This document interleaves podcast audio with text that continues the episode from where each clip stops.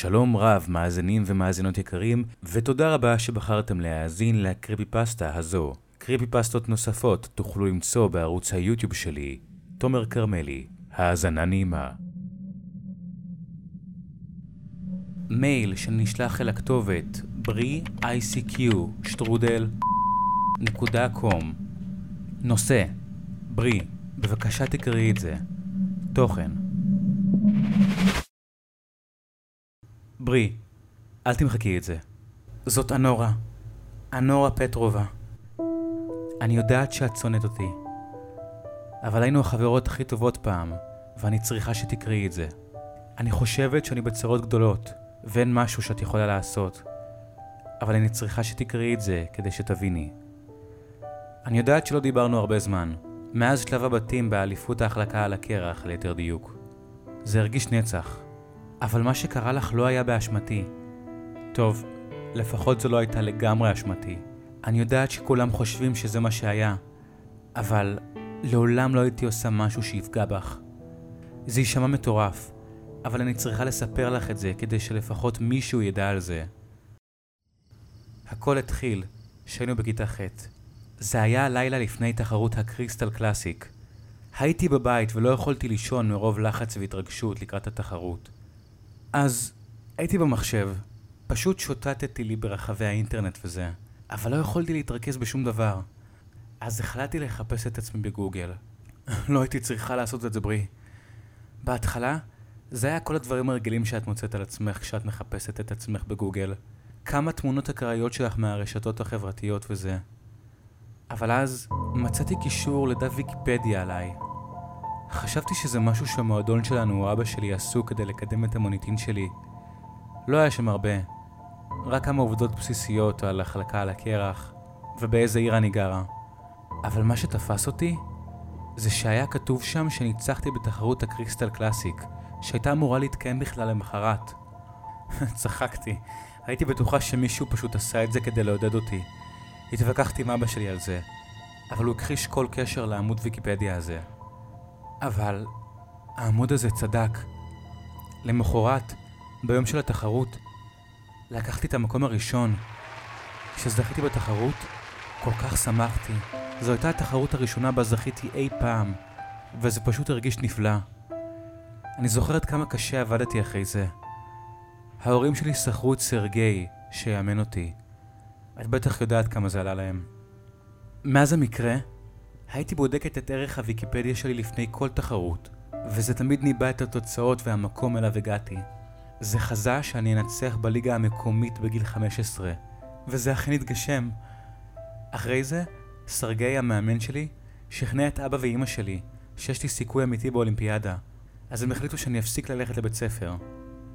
החלקתי בקרח והתאמנתי כל יום, אבל פשוט לא התקדמתי בקצב שסרגי אמר שאני צריכה להיות בו אם אני רוצה לנצח באליפות.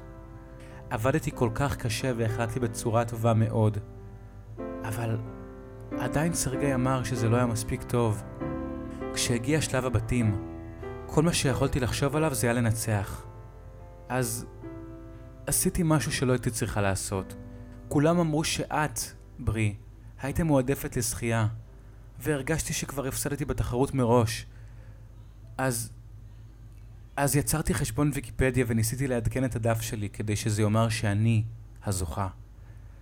העניין הוא שאחרי שניסיתי לעדכן את הדף, בדקתי אותו. אבל כל מה שהיה כתוב שם זה... אנורה פטרובה היא כלבה קטנה ואנוכית שהולכת לקבל את מה שמגיע לה. נשברתי. בגלל זה נראיתי כל כך נורא למחרת. הייתי מבולבלת. אני זוכרת שהגיע תורך. בזמן שהחלקת על הקרח, ראיתי את הלהב של הנעל השמאלית שלך נשבר. הדבר הבא שזכרתי הוא שהייתי על הקרקע והפנים שלי היו מכוסים בדם מהלהב שלך שאף לכיווני וחתך לי את המצח. הם אמרו לי שזו אשמתי כי השתמשתי במחליקיים שלך בתור שלי קודם לכן. ברי, אני באמת לא עשיתי כלום למחליקיים שלך. רציתי לנצח, אבל לא הייתי עושה שום דבר שיפגע בך ברי. אני נשבעת. כשאסרו עליי להשתתף בתחרויות נוספות, כולם אמרו שזה מה שהגיע לי. אף אחד אפילו לא התעניין בגרסה שלי של המקרה. אני מניחה ששמעת שסרגי הפסיק לאמן אותי אחרי זה. הוא אמר שהרסתי אותו. אף אחד לא רוצה לדבר איתי יותר. את יודעת איך זה מרגיש, ברי? איך זה מרגיש להיות מנודה על ידי כולם? אפילו לא הצלחתי להחליק על הקרח. וערך הוויקיפדיה רק הלך והחמיר. בכל פעם שבדקתי אותו, זה היה אומר עליי את כל הדברים הנוראים האלה. אני אפילו לא יכולה להגיד לך חצי מהם, כי השפה הייתה כל כך מרושעת. הייתי בוכה בכל פעם שקראתי אותו, אבל לא יכולתי להפסיק לבדוק אותו. ידעתי שאני חייבת לעשות משהו. אז הגשתי תלונה בוויקיפדיה. ניסיתי אפילו להתקשר אליהם, אבל הם טענו שהם לא יודעים דבר על הדף. באחד מערבי שישי, הייתי לבד בבית, והחלטתי לבדוק אם העמוד הוסר. אבל הוא עדיין היה שם, רק שהפעם נכתב בו.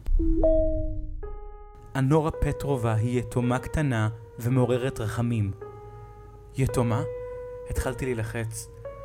התקשרתי להורים שלי ללא הפסקה, אבל בכל פעם שהתקשרתי, כל מה ששמעתי היה צחוק נורא בצד השני. התקשרתי אליהם בערך מאה פעמים, עד שלא יכולתי עוד לשמוע את כל הצחוק המזעזע הזה. כמה שעות אחרי זה, שוטרים דפקו לי על הדלת וסיפרו לי שהוריי מתו בתאונה. המשטרה נתנה לי את הטלפונים שלהם, ולא היה בהם שום תיעוד של כל השיחות שלי באותו לילה. הייתי כל כך ארוסה. תמיד הייתי כל כך עסוקה באימונים כל היום ובלימודי בית. מעולם לא הבנתי עד כמה הייתי לבד כל הזמן. אני יודעת שניסית ליצור איתי קשר ברי, אני יודעת שניסית לעזור, אבל הייתי כל כך בדיכאון וכל כך כועסת, שפשוט התרחקתי מהכל.